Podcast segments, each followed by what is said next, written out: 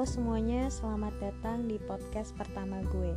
Sebelumnya kita kenalan dulu yuk. E, nama gue Cacan, kalian bisa panggil gue Can aja juga nggak apa-apa. Tujuan dari gue bikin podcast ini adalah buat ngisi waktu-waktu luang gue aja di sela-sela gue mengerjakan tugas kuliah karena sekarang lagi work from home dan tentunya gue nggak bisa sering-sering keluar rumah jadi ya udah gue putusin untuk ngisi podcast aja. Untuk tema podcast apa yang bakal gue bahas nantinya jujur belum ada untuk saat ini. Mungkin sembari berjalan gue bakal mikirin hal itu. Dan semoga ke depannya podcast gue bakal berguna juga. Jadi nggak cuman gue ngomong doang.